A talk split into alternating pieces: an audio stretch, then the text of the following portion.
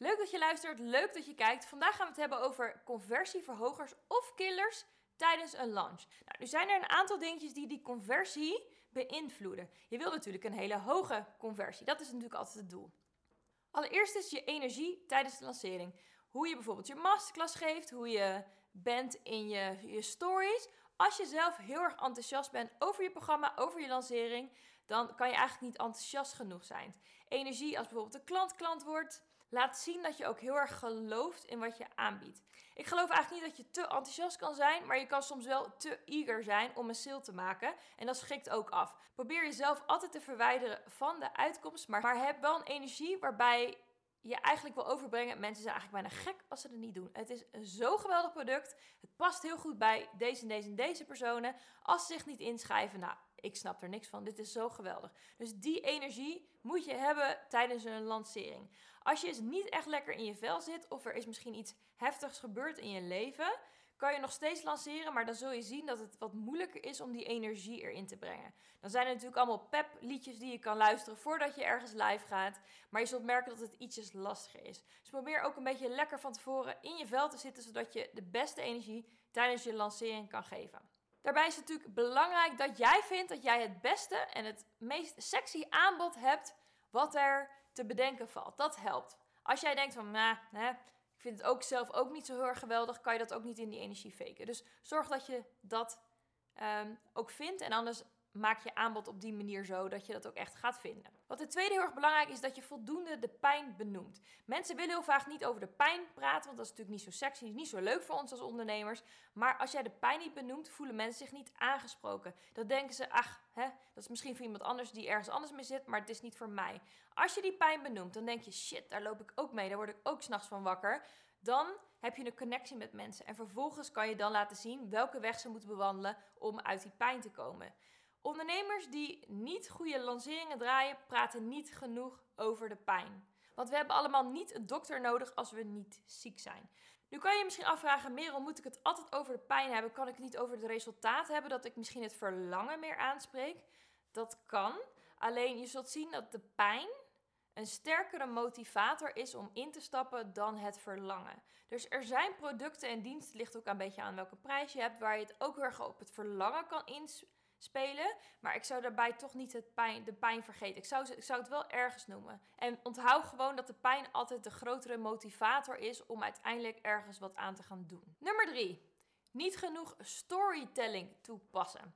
Nou, wat ik nog wel zie met lancering is dat mensen echt best wel veel op het product um, lanceren. Dus dat ze aangeven: hey, dit is mijn programma, dit en dit krijg je, dit en dit is het resultaat. Op zich is daar niks mis mee, maar door storytelling overtuig je mensen. Je moet eigenlijk proberen te inspireren en niet alleen maar te informeren. Er is een tijd en een plaats voor beide. Maar door storytelling kan je eigenlijk um, bepaalde ideeën die mensen hebben, die misschien helemaal niet kloppen, of uh, mensen denken altijd in een bepaalde soort loop. Door storytelling kan je die mensen uit die loop halen en kun je ze krijgen op een plek waar je ze eigenlijk wil hebben. Zij herkennen zich namelijk vaak in de story.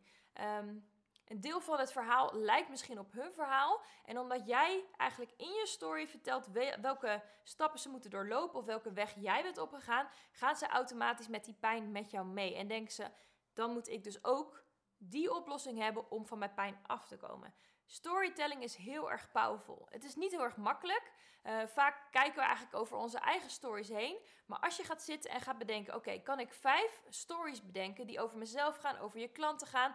Hoeft ook niet eens per se. Het kan ook over een ander persoon gaan die jij misschien niet eens echt kent. Maar vertel een verhaal waarbij er een soort van emotionele transactie gaat plaatsvinden en waarbij ze geleid worden naar de oplossing. Dat is heel erg belangrijk. Conversie killer nummer 4 is dat je niet genoeg je autoriteit laat zien of je expertise. Vooral in Nederland denken we heel vaak, we gaan niet een beetje borstklopperij doen. Uh, dus je, je maakt jezelf vaak als ondernemer kleiner dan wie je eigenlijk bent. Maar belangrijk is dat je echt laat zien dat jij de expert bent, dat jij de autoriteit in dit onderwerp hebt. Dus dat zit hem in hoe jij jezelf introduceert, uh, hoe jij je oplossing introduceert, dat je vertelt dat je al met meerdere klanten resultaten behaald hebt, hoe je eigenlijk de gids bent voor anderen. Dus laat vooral je expertise zien en laat iets zien van je autoriteit in dit onderwerp. Mensen moeten jou echt als expert gaan zien voordat zij denken: oh, zij kan mij wel echt heel erg helpen. Wat ook belangrijk is, dat je resultaat deelt van je programma. Heel vaak als ondernemer uh, blijf je een beetje steken bij: oké, dit is het programma, dit is wat we gaan doen. Maar uiteindelijk kopen mensen het resultaat en niet het programma. Ze denken: oké, nu moet ik dus door het programma heen om daar te komen. En dan zijn ze daar wel willig in. Maar uiteindelijk willen ze het resultaat. Dus deel vaak het resultaat van je programma. Wat gaat er gebeuren als mensen zijn ingestapt en je programma hebben gevolgd? Nou, wat ook heel erg belangrijk is, dat je er nooit van uit moet gaan dat mensen iets in jouw lancering gezien of gelezen hebben. Ik zie het vaak terugkomen dat men ervan uitgaat dat het gelezen wordt, doordat ze bijvoorbeeld de naam van de masterclass niet meer delen of de subtitel niet meer delen. En dat ze er eigenlijk op doorgaan op wat, een andere communicatiestuk gezegd heeft eerder. Maar als je bijvoorbeeld 100 mensen hebt ingeschreven op je nieuwsbrief, dan moet je ervan uitgaan dat van 20 tot 30 procent jouw e-mail heeft geopend, laat staan gelezen. Uh, dus dat betekent dat ongeveer 80 mensen het nog helemaal niks van jou gelezen hebben. Dus dat betekent dat je in herhaling mag vallen.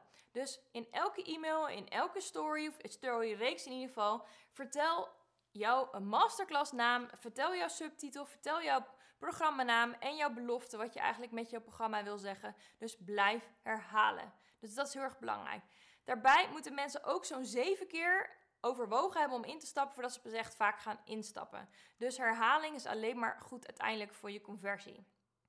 Nou, natuurlijk nogal logisch, maar deel zoveel mogelijk social proof tijdens je lancering. Nou, wat voor soort social proof kan je delen? Nou, het beste natuurlijk altijd een video, want dat is heel authentiek. Video uh, boodschap van een van je klanten. Uh, maar je kan eventueel ook gewoon een, een, een, screenshot delen van een conversatie met een klant via WhatsApp. Misschien een soort van, jee, ik heb dit behaald. Dat kan je delen. Je kan natuurlijk een officieel testimonial delen. Maar belangrijk is altijd wel dat je hem inkort. Hè? Dus dat je echt tot de kern komt van wat er in die persoons leven veranderd is. Je hoeft niet te delen hoe geweldig ze jou vinden. Want dat is uiteindelijk niet heel erg interessant voor jouw ideale klant. Maar deel tijdens je lancering zoveel mogelijk social proof. Heb je een nieuw programma en denk je, ja, daar heb ik nog niet zoveel social proof voor, dan kan je altijd iets delen vanuit misschien een ander programma of vanuit één op één, dat je een stukje wat relevant is voor dit programma daarin deelt. En als laatste, creëer wat bus rondom je lancering. En wat bedoel ik met bus? Nou, Stel je voor dat er iemand is ingestapt in je programma. Dan kan je dat vieren door bijvoorbeeld uh, je Molly-accountje of een um, bewijs van de betaling te delen. Natuurlijk haal je wel alle persoonsgebonden informatie eruit. En dan kun je zeggen van, jee, er is weer iemand ingestapt. Of je laat een hele lijst met Molly-betalingen uh, zien. Daardoor creëer je het gevoel van het is oké om in te stappen. Het is een feest om in te stappen. Ik wil ook bij die mensen behoren. Um, en wat ik heel vaak doe, is dat ik aan klanten vraag die instappen: hey, wat was voor jou nou de reden dat je ingestapt bent? En dat deel ik vervolgens. Dan vraag ik soms even: mag ik dat delen? Of ik haal een identiteit weg en dan deel ik het alsnog.